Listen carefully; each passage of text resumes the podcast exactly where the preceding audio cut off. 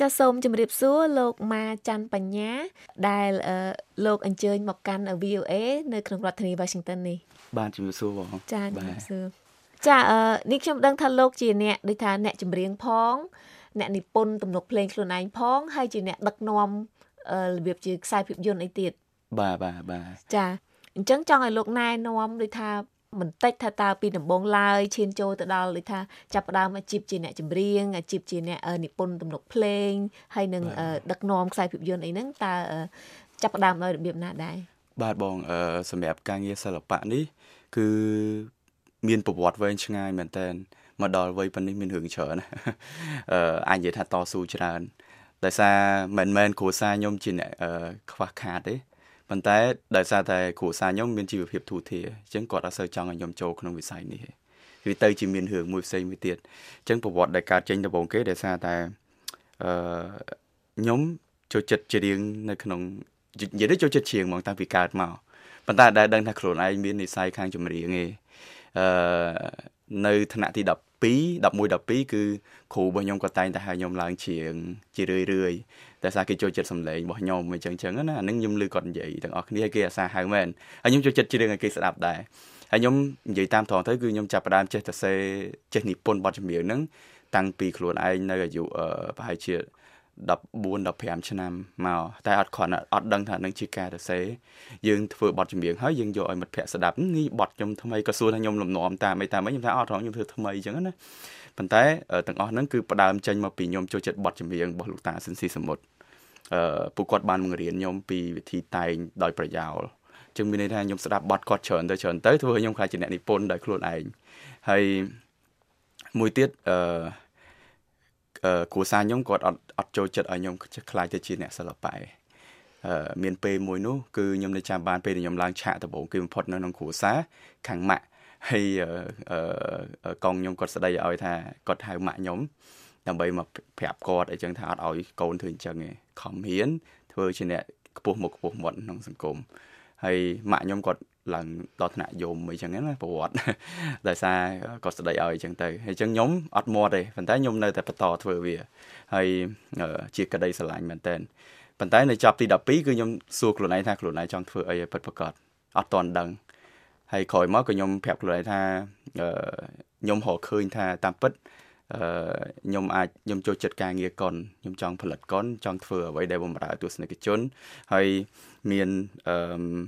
ដូចថានៅក្នុងកុនហ្នឹងវាមានចម្រៀងវាមានការតសេមានអីគ្រប់បែបយ៉ាងអញ្ចឹងអញ្ចឹងនៅក្នុងហ្នឹងគឺធ្វើឲ្យខ្ញុំចាប់ផ្ដើមប្រាប់ក្តីសម័យរបស់ខ្លួនឯងមួយដាក់ដាក់គោលដៅមួយគឺចង់ខ្លាចជាអ្នកផលិតភាពយន្តហើយជាអ្នកផលិតភាពយន្តខ្មែរដែលនាំរឿងគេហៅថាចំនួនទំនើបទៅកាន់ឆាកអន្តរជាតិនឹងជាអ្វីដែលខ្ញុំតែងតែនិយាយប្រាប់ខ្លួនឯងរហូតមកប៉ុន្តែក្រោយមកអ្វីដែលដឹងគឺខ្លួនឯងចូលចិត្តច្រៀងចូលចិត្តនិពន្ធចម្រៀងដោយសារតែវាច្រើនមុខពេកញ៉ៃញ៉ៃអត់ដឹងថាគួរប្រាប់គេថាម៉េច ក្រោយមកខ្ញុំក៏បានប្រាប់ខ្លួនឯងថាខ្ញុំគួរតែធ្វើអីមួយដែលងាយស្រួលឲ្យគេស្ដាប់បានចឹងខ្ញុំក៏តែងតែប្រាប់តែគេអ្នកដទៃថាខ្ញុំគឺជា singer and songwriter គឺជាអ្នកចម្រៀងហើយនិងអ្នកនិពន្ធចម្រៀងក៏ប៉ុន្តែតាមពិតនៅខាងក្រោយខ្ញុំមាន position ជាច្រើនដែលខ្ញុំឆ្លងកាត់ដោយសារតែម៉ាក់ប៉ាអត់ឲ្យរៀនអញ្ចឹងខ្ញុំត្រូវតែធ្វើការគ្រប់បែបយ៉ាងដែលបំពេញឲ្យក្តីសម័យមួយចង់ខ្លាចជាអ្នកផលិតភាពយន្តនៅក្នុងហ្នឹងខ្ញុំធ្លាប់ជាធ្លាប់ទៅរៀននិពន្ធ ហើយរហូតដល់អាចទទួលពានជាអ្នកនិពន្ធវ័យក្មេងអាស៊ាន កាលពីឆ្នាំ2014ដោយបងបានបានជ្រាបបាទហើយនៅក្នុងហ្នឹងគឺខ្ញុំបានទទួលពានពីប្រជាជាតិថៃប៉ុន្តែគាត់ហាត់បានទទួលទេដោយសារតែជាប់ទៅជ្រៀង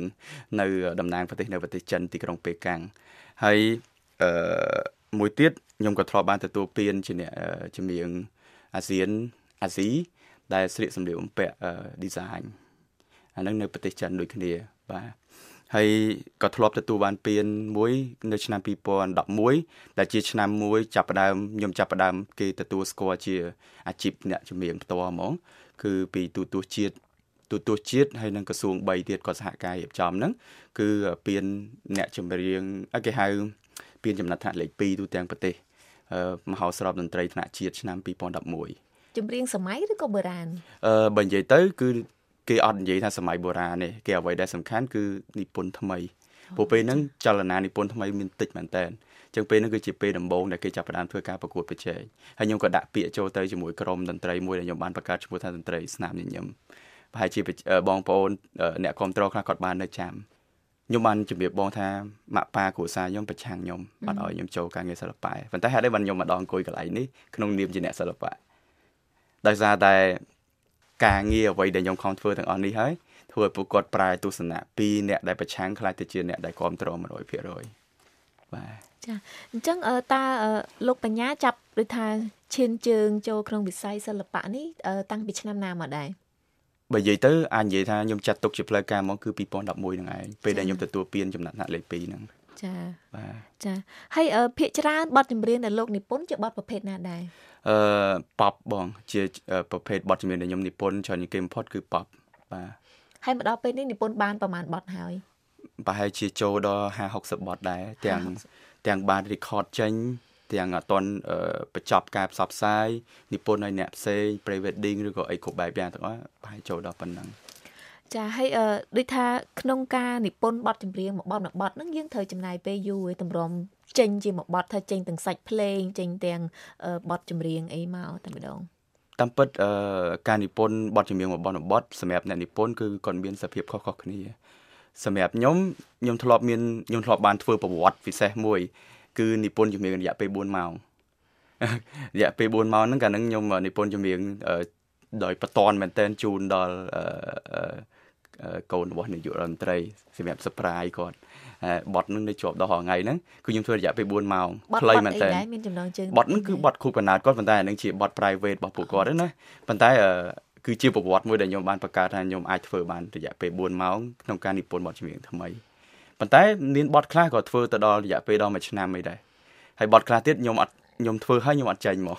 ហេតុអីហេតុអីបានជាមានការពិបាកក្នុងការនិពន្ធនិយាយដល់ស្មោះត្រង់มันមិនពិបាកក្នុងការនិពន្ធទេតែពិបាកនៅក្នុងការបញ្ចេញដោយសារតែទីផ្សារបច្ចុប្បន្នយើងមើលអត់ត្រូវហើយអញ្ចឹងនិយាយទៅភាពក្លាហានរបស់ខ្ញុំវាបាត់អស់មួយចំនួនធំដោយសារតែ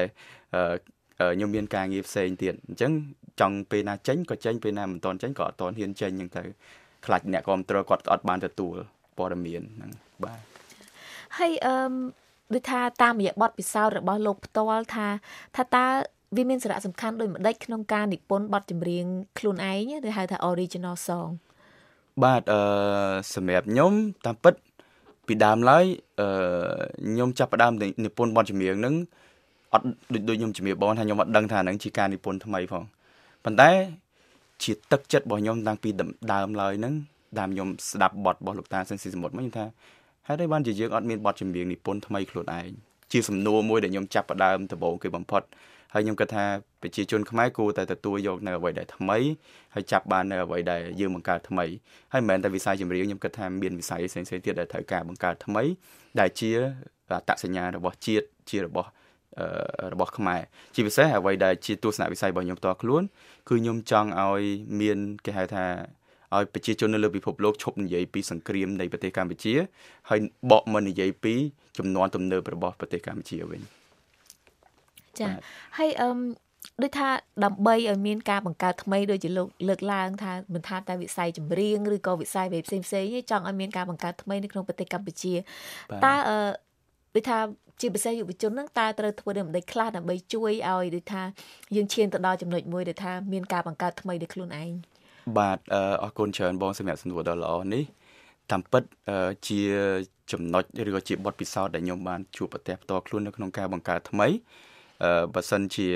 ក៏ពិតអ្នកទាំងអស់គ្នាម្នាក់ម្នាក់កើតមកគឺមានភាពចំណុចខ្វះគេហៅថាប្លែកគ្នារៀងខ្លួនហើយ